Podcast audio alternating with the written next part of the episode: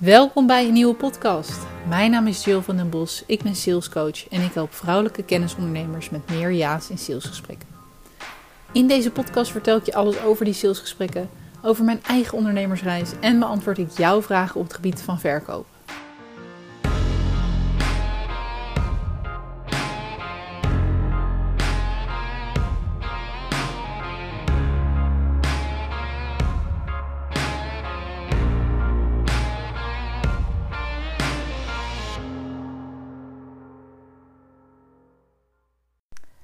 Welkom. Deze podcast gaat over hoe jij gezonde verkoopgesprekken kunt voeren. En wat bedoel ik met gezonde verkoopgesprekken? Dat zijn gesprekken waarin er niet alleen niet wordt gepusht, niet wordt aangedrongen, niet wordt opgedrongen, maar waar ook heel erg ja, wordt ingezet en, en wordt ingezet op de relatie wil ik zeggen, maar ook goed wordt geluisterd naar elkaar ik zie heel veel dat ondernemers dan, als ze dan eindelijk een salesgesprek hebben, heel erg zenuwachtig zijn en heel erg gaan denken: oh, doe ik het wel goed? En een soort lijstje af gaan werken. Dat is een van de dingen dat ik dus niet werk. Waarom ik niet werk met een echt een exact script script. Meer een soort volgorde van hey, dit, dit kan je aanhouden en dit werkt. En natuurlijk gaan we oefenen en kijken we heel erg naar bezwaren en nou, hoe je ervoor kan zorgen dat, dat die conversie omhoog gaat. Alleen in de salesgesprekken zie ik dan ja, dat, dat de spanning zo hoog is dat er eigenlijk niet meer wordt geluisterd. Omdat je constant denkt, zeg ik wel de goede dingen? En dat maakt het geen gezond verkoopgesprek meer in, in mijn ogen. Dus hoe kan je wat dat betreft zorgen voor een gezond verkoopgesprek? Dat is door er echt relaxed in te gaan. En ik weet het, dat is makkelijker gezegd dan gedaan. Want ja, wat ik zeg, je hebt net 101 posts geplaatst op Instagram, 80 DM's gestuurd en eindelijk is het zover. Iemand boekt een verkoopgesprek. Het moment van de waarheid is daar en dan, ja, hoe kan je nou een beetje relaxed blijven als je ook nog denkt van, hé, hey, ik moet mijn hele hypotheek eigenlijk allemaal bij elkaar sprokkelen. Ik heb maar één salesgesprek, dus dit moet hem echt worden. Anders heb ik een probleem en moet ik weer mijn vriend gaan aankijken of die de huur wil betalen. Hij ziet me aankomen, weet je wel. Dus kijk, die druk wegnemen bij jezelf. Als dat zou kunnen, dat zou natuurlijk lekker zijn. Alleen er is geen magische toverstaf waarmee je, dat, waarmee je jezelf even een, een chillpil kan, uh, kan toveren en kan innemen, waardoor het relaxed wordt. Waar je wel voor kan zorgen, is dat je meerdere salesgesprekken hebt. Want in die end is het een numbers game. Dat zegt Jim Rohn altijd en mijn business coach Veronique Prins ook. Het is een numbers game. Dus hoe meer berichten jij stuurt, hoe groter de kans dat er salesgesprekken uh, in je agenda verschijnen. En natuurlijk moet je daar wat voor doen. En ik denk ook zeker dat stuur jij echt 80 berichten en komt er heel weinig uit. Dat je dan af en toe eens moet kijken van hé, hey, mogelijk moet ik hier eens hulp bij zoeken of iets, iets voor aanschaffen waardoor ik er beter in word. Of misschien wil iemand sowieso even een uurtje met me meekijken, een businessvriend of vriendin. Dat kan allemaal. Maar uiteindelijk heb jij voor jezelf, als het goed is, een soort strategie, een soort methode van: hey, dit is mijn doel, dan wil ik daar zoveel klanten voor en zo ga ik ze binnenhalen. Dus je kan wel de druk wat van de keten afhalen door je kansen wat meer te spreiden. En dan hoor ik klanten vaak zeggen: ja, maar waar, waar vind ik die mensen dan? En zijn er wel genoeg? Ja, er zijn er zeker genoeg. Er zijn er zeker genoeg. De vraag is inderdaad, waar vind jij je ideale klant? Dat moet je voor jezelf duidelijk hebben.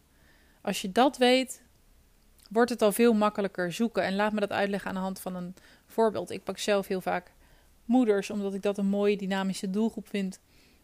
Omdat, stel jij helpt moeders die het altijd veel te druk hebben, uh, die zitten waarschijnlijk niet de hele dag op Instagram te scrollen.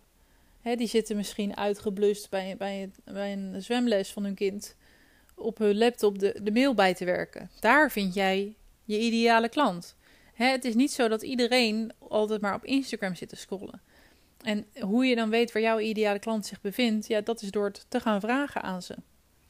Hè, dus als we kijken naar gezonde verkoopgesprekken en hoe je die voert, is het door in ieder geval te zorgen dat er geen gevoel van tekort is of geen gevoel, geen prestatiedrang heel erg is. Van dit moet echt nu gebeuren. Nou, prestatiedrang is niet het goede woord. ja, druk op de ketel, hoe zei ik het net, niet extreme druk van dit gesprek moet het worden. Want dat merk je. Ik, ik luister, nou, misschien wel honderd salesgesprekken die ik, die ik heb, teruggeluisterd van klanten. Je, je hoort het gewoon. Je hoort het en eigenlijk wil je dat niet.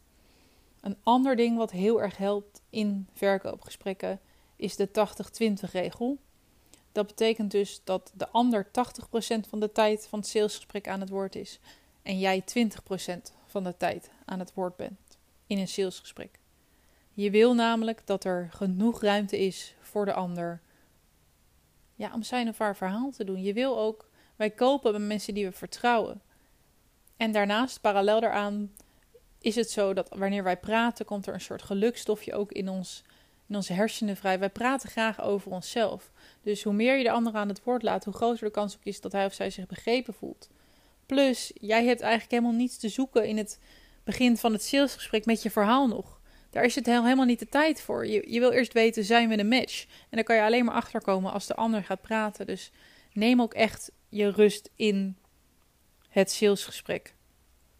En wat er kan gebeuren is als je er heel erg dicht op zit, weinig stilte laat vallen, uh, heel erg veel praat, dan kan het overkomen als, nou niet zozeer pushen, maar wel een soort benauwd gevoel van, oh, iemand is wel echt heel dicht. Uh, hè? Wow, uh, weinig ruimte, ik voel me niet gehoord. Ja, en dan sta je eigenlijk al met 1-0 achter in, het begin van je salesgesprek.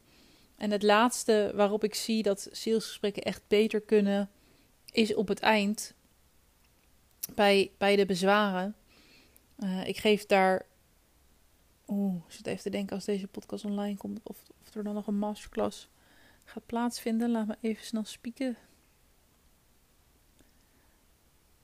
Mm, nee.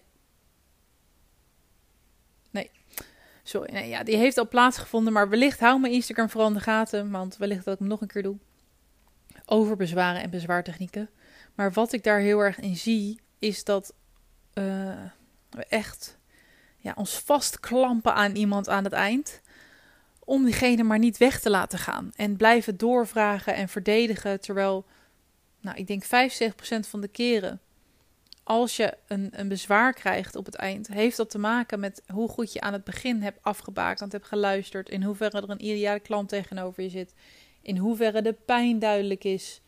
Die dingen zijn zo belangrijk en op het eind kan het heel erg als pushen en, en een naar gevoel eigenlijk geven ook na afloop. Niet eens pushen, maar gewoon een, naar, naar smaakje, naar een nasmaak in je mond. Wanneer jij de call ophangt met iemand die je eigenlijk niet los wilde laten, waardoor het echt nog een half uur langer duurde en ja, niemand een steek wijzer is geworden. Dus ben je nou aan het luisteren en denk je, oké, misschien ben ik dit. Let er nou op dat je iemand wel in zijn waarde laat en je, ja, het is lastig. Ik wil zeggen, je voelt ook wel wanneer je echt iemand aan het uitknijpen bent. Op een gegeven moment moet je ook stoppen met doorvragen of, of argumenteren. Uh, ik doe dat zelf bijvoorbeeld vaak nadat er twee bezwaren zijn geweest. Daarna vind ik het ook leiderschap en vind ik het ook expertstatus wanneer je zegt: luister, ik heb nu twee argumenten ontkracht. Um, ik denk niet dat dit hem gaat worden. Hè? En ik wens je oprecht het aller, allerbeste. Maar, maar good luck, want ik, ik merk aan alles dat dit het moment niet is. Ja, dan moet je op een gegeven moment ook gewoon je verlies nemen. Omdat, ja, wat ik zeg, die nare nasmaak krijg je dan aan. Ik, ik, ik denk dat veel luisteraars het wel kennen dat je dus in zo'n salesgesprek zit en je, komt er gewoon niet weg met een mogelijkheid. En soms heb je daarin ook zelf een aandeel. Hè? Ben je zelf ook niet duidelijk genoeg geweest in de zin van nee, ik ga het echt niet doen. Uh, dus, dus kijk daar ook naar.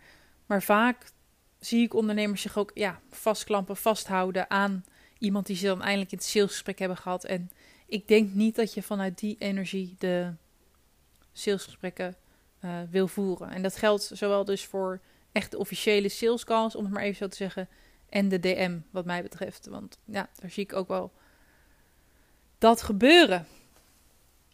Oké, ik hoop dat ik jou heb kunnen inspireren met hoe je nou die verkoopgesprekken op een gezonde manier kunt voeren en wat erbij komt kijken.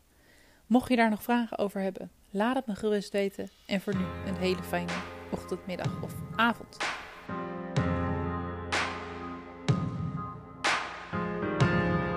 Bedankt voor het luisteren. Ik hoop dat deze podcast je heeft geprikkeld, op welke manier dan ook. Want dat is mijn doel: jou een liefdevolle schop naar je kont geven. Want er ligt nog zoveel moois op je te wachten. Wil je meer weten over wat ik je kan bieden? Regelmatig geef ik masterclasses over dit onderwerp. Schrijf je in voor mijn nieuwsbrief om hier als eerste van op de hoogte te zijn.